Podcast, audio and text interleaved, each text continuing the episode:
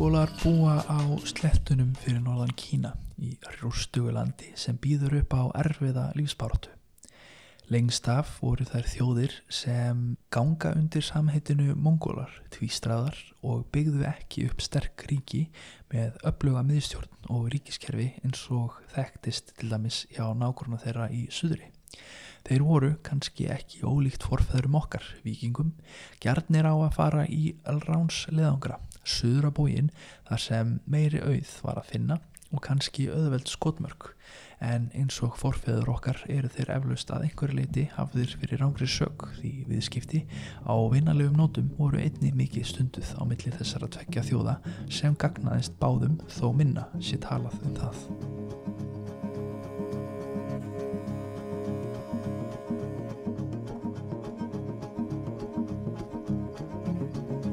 Eins og við höfum fjallað um í lagarumstáttum okkar um kýmerskar keisarættir var eitt mikilvægsta verkefni utenrikkismála hvers keisaraveldis að eiga við þessar nákvæmna þjóðir í norðari og hvernig hægt væri með góðu móti að tryggja frið fyrir þeim í landinu og var ýmsum að verum veitt.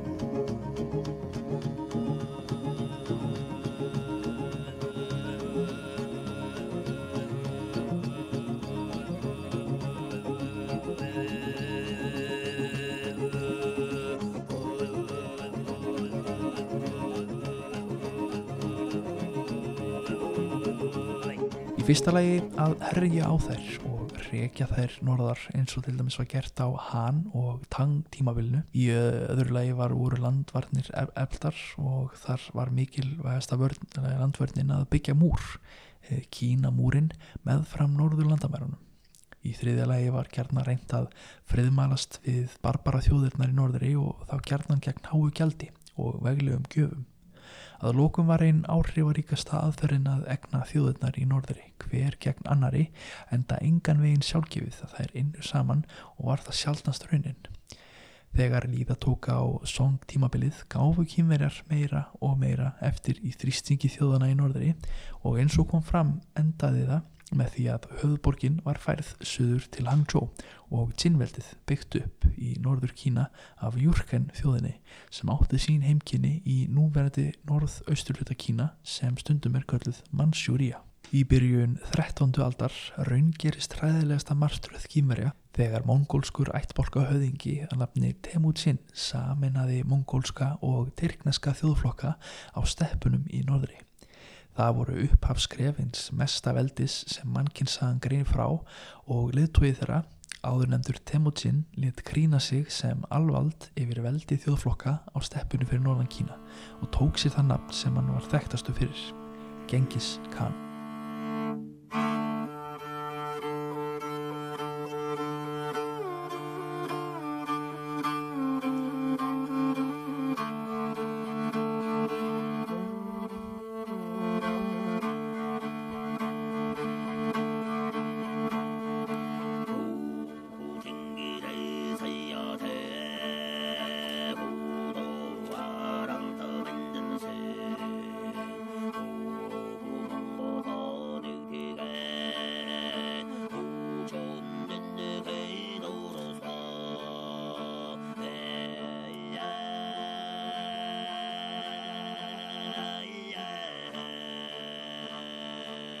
Stjórnendur söður songkessarveldsins eins og eflaust aðrir sáu eðlilega ekki það fyrr sem átti eftir að gerast við þessa atbyrði.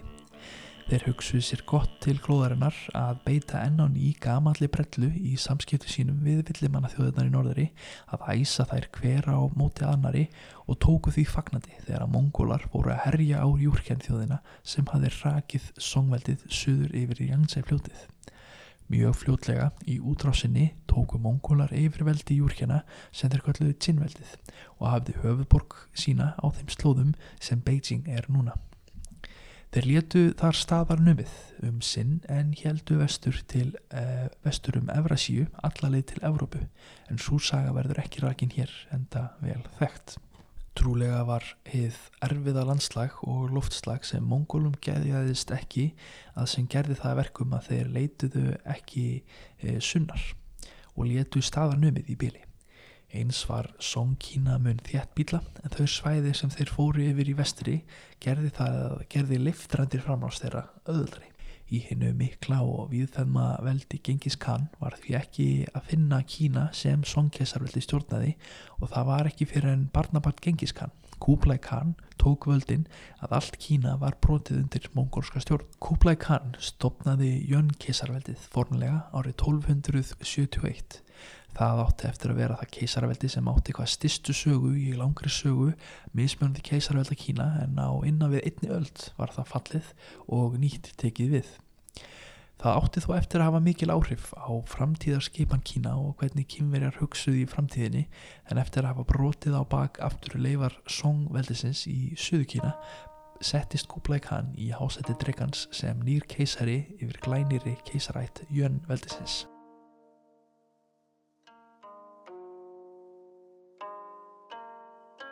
Veldið hans Kublai var gríðarstórt en það náði frá Sýberju í norðri til Vietnam og Kambodju í söðri, Japanshafi í austri og Miðasju í vestri og var töluvert stærra en Kína í dag. Kublai vissi að hann væri að fara að stjórna mun stærri þjóð en svo þjóð eh, sem hann átti rætur í, Mongola og var snemma meðvitaður um að leita í smiðju eh, horfina keisarvelda Kína eftir löðsögn í því hvernig ætti að bera sig að í því að stjórna svo við þennu ríki.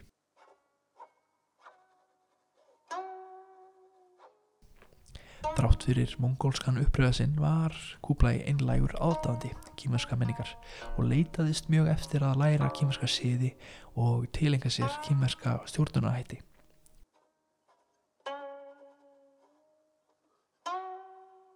Það sama var ekki endilega hægt að segja um kýmersku embætsmenn sem að fyrirlitu hérna nýju herra og gerði þeim allt til bölvunar. Sumir kursu þó að þjóna þeim sem en aðrir fluttu í dreifbílið og heldu sig frá stjórnsíslunni með vonum að þessi martröð ljúki sem fyrst.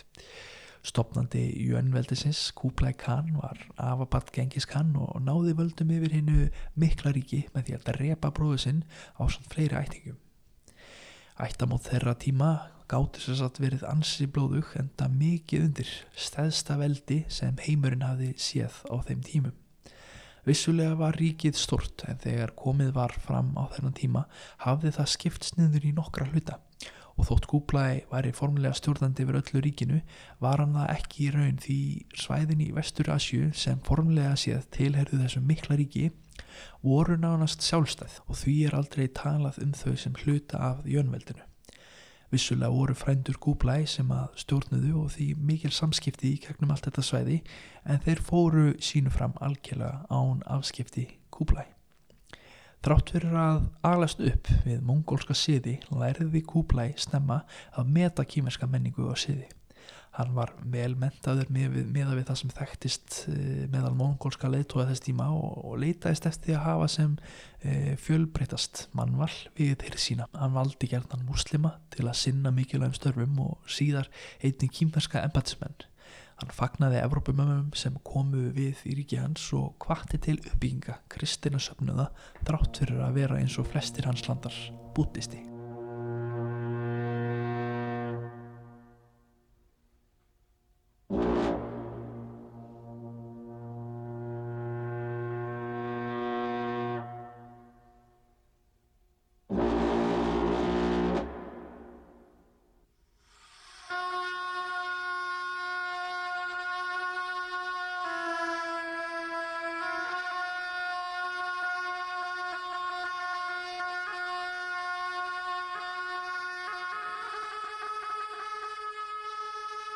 Eins eitaðist hann eftir að læra af öðrum þjóðum og nýta bestu tækni sem völ var á.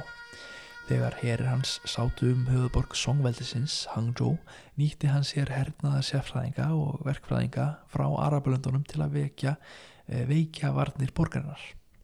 Við uppbyggingu hins nýja ríkis nýtti hann sér flest allt sem, að, sem áður hafði gengið svo vel hjá í gegnum keisrætum og því kannski ekki mikið við stjórn ríkisins sem bar keim þess að þar væru mongólar við stjórn.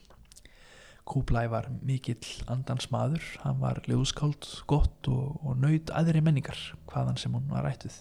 Þannig má segja að þrátt fyrir blóðuga slóð og endalusar tilrunir til að ná sem flestu myndi vald sitt var hann mjög viðsýn stjórnandi. Hann endaði þó æfi sína sem þunglind gamalmenni þjakaður af hennum ímsu kvillum sem fyldi mikillir ofþyngd en alla tíð gerðan vel við sig bæði í mat og drikk og eins og mongóla er siður fannst honum fátt eins gott og feitt lambakjött skóla niður með rótsterku mongólsku brennivíni. Kublai Khan setti höfuborg sín eins nýja ríkis þar sem nú er Beijing og kallaði hana Kambalik eða Dadu. Staðsetting hennar nýju höfuborgar var ekki tilviljun, hún liggur niðist á Huabei sléttunni miklu sem tegir sér langt suður eftir Kína. Rétt verið norðan er Janshan fjöllin sem skildu að Kína og Mongóliu þar sem nú er sjálfstjórna hér aðeins innri Mongólega í Kína.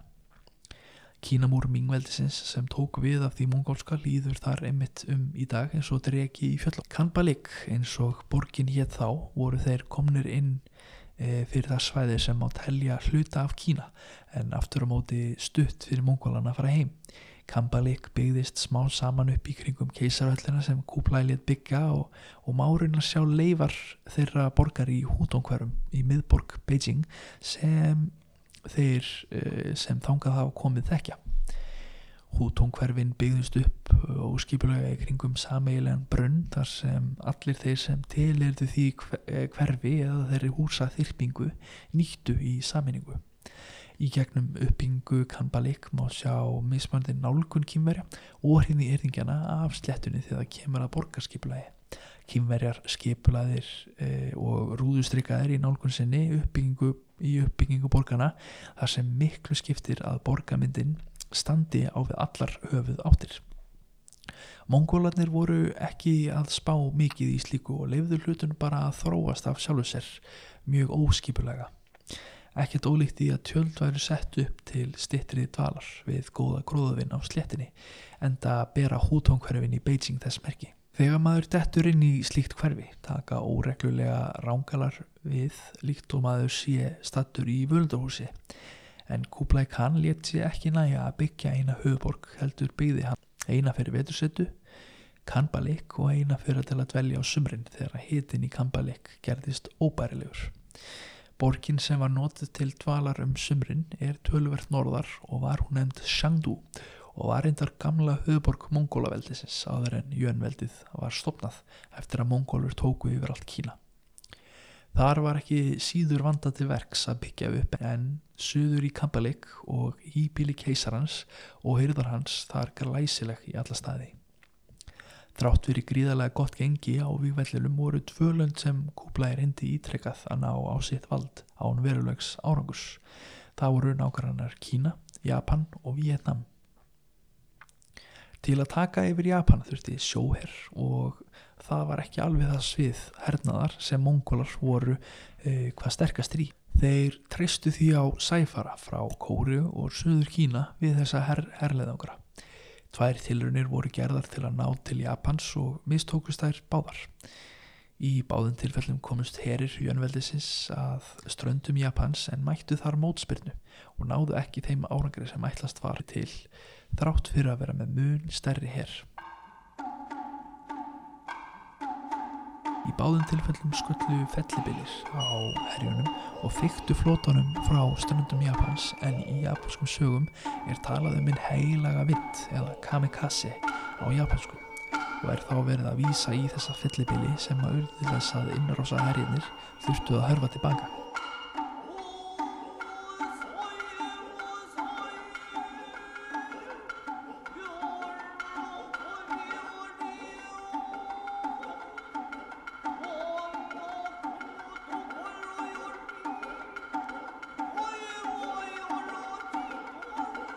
Þessar tvær sneipufarir til Japans fóru ítla í Kublai-Khan en það vanu því að ná sínu fram á vývellinum. Þar með var útséðum frekari landvinninga í öfnum austur og söður af Kína. Vietnam var annað land sem Kublai girtist en náði aldrei almennilega á sitt vald. Nokkrir herrleðangrar voru farnir að taka yfir Vietnam en án mikil sárangurs Kínverjar höfðu löngum haft ítök í Vietnam í gegnum söguna en frá 11. okkar tímatals hafði Vietnam náð að rista af sér Kínverja og fór ríkið þeirra sístækandi. Þetta var svo sem ekki í síðasta skinn sem eh, Erlend ríki gekk ítla að eiga við Vietnamana en það er önnursaga. Þetta var ekki til að bæta skapkúblæ en það má að einhver lit reykja þungliti hans á síðar árum til þessara miklu vonbriða. Þar sem meldi Mongóla náði yfir stóran hluta Evrasíu landmassans var flæði fólks á milli svæða tiltölulega öðveld og alþjóðlegi ströymar og stefnur náðu austur til Kampalek á meðan flækinga þar austurettir var fenengurinn Marco Polo. Hann fóti Kína með föðu sínum og frænda og, og dvaldi lengi við hyrð Kessals og var um tíma embatsmaður við hyrðina og fór viða um Kína í þeim störfum sín eina frægustu frásögn Örbamanns af Kína meðalda er því frásögn af veldi Mongóla sem vissulega var orðið mjög kýmest og svo sem ekkert í lýsingu Marco Polo sem bendi til að hann hafi verið stattur nema við er keisara, hefðbundinar keisarættar. Frásagnir Marco Polo um ferð sína til Kína hörðu fljótlega mjög vinsalar og voru lengi vel helstu heimildar vesturlandabúa um Kína og lífið þar. Það er átti síðar eftir að hvetja aðra og fræga landkönnuði til að leita sjóleðina á þessa, þessa slóðir. Frásögnin ber með sér að Marco Polo var mjög hrifin á því sem bar fyrir augu og kallaði því höll Kublai Khan í sangdu glæsilustu höll sem uppi hefur verið. Hann dáðist mjög af síðum kynverja og samfélagskipulagi sem ríkita með landsins. Einnig var hann hrifin á því sem kynverjar státuðu af en hafði ekki borist til Vesturlanda eins og papírspenningar og púðrið og svo auðvitað kynverska postulinnið en hrifningin var gagkvæm. Kublai Khan var alþjóðlega sinnaður keisari og leitaðist eftir að nýta það besta sem að heimurinn gætt bóðið upp á þegar koma því að byggja upp innið ríkisins. Hann sótist því eftir erlendu hugviti þar sem það stóð kímersku framar.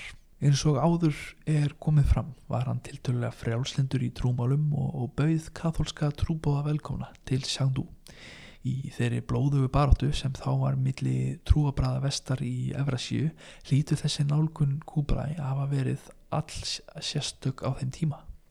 Eins og áður kom fram varð veldi Mongóla í hálsætti dregans ekki langlýft og má segja að það hafiði náð hápunkti sínum strax með fyrsta keisarnum Kúblæk hann. Eftir hans tíma fór fljótlega að halla undir fæti og í kjölfar erfiðara tíðar og náttúrhanfara var ljóst að Jönveldið hafði tapað umbóði heimisins og fjalla tiltölulega hratt eftir að uppreysnir voru gerðar víða um Kína sem sendu mongólana aftur heim á steppurnar í Mongóliu með skottið á milli lapana. Það var ekki til að auðvelda þeim lífið að kymmerar höfðu alla tíð horn í síðu stjórna þeirra og nýttu öll tækifæri til þess að þeim, valda þeim erfiðlegum. Margir af hæfustu embætismönnum kusu að starfa ekki fyrir þá og þrátt fyrir tilrönni Mongóla til að kína veða sjálfa sig, siði og reglur sem notaða voru við stjórnum ríkisins var alla tíð litið á þá sem aðskotatýr og beðið eftir fyrsta tækifæri til rosa sig við sem og kýmverjar gerðu og stopnuðu enn eina keisarættina, kenda við þeina miklu byrtu eða ming á kýmversku. Múslimar undir stjórn Mongola voru einnig orðnir langþreyttir á bóðum og bönnum þegar það koma útvæslu trúa sinnar en Mongolar höfðu lengi hafa orðn í síðu siða sem tengdust sláturun söðu fjár, sangvænt halal eða siðareglum Íslam. Þeir letu því ekki segja sér tvísar að taka þátt í uppreysnum gegn hennu mongolska valdi þegar veldi þeirra fór að láta á sjá. Eftir að Mongolar létu af stjórn Kína og jönveldið leiðandi lok náðu þeir sér aldrei almennilega á stryk sem upplugt herrveldi og hörfu áhrif þeirra jafn fljótt og þeir höfðu komið ríðandi á hæstum sínum norðan af mongolsku greisunum en hernám Mongola hefði vítak áhrif á kýmverska þjóðsál. Keisarar Mingveldisins sem við tók á hvaðu að allt skildi gert til að harmleikur myndi ekki endur taka sig. Reistu öflugan múr á Norðurlandmannum, það er Kínamúrin sem við getum litið augum í dag og lokuðu smátt saman á flest samskipti við ellendríki eh, en svo stefna ríkti fram til 20 stöldina og átti eftir að hafa mikil áhrif á þrófun kýmverska samfélags um aldir.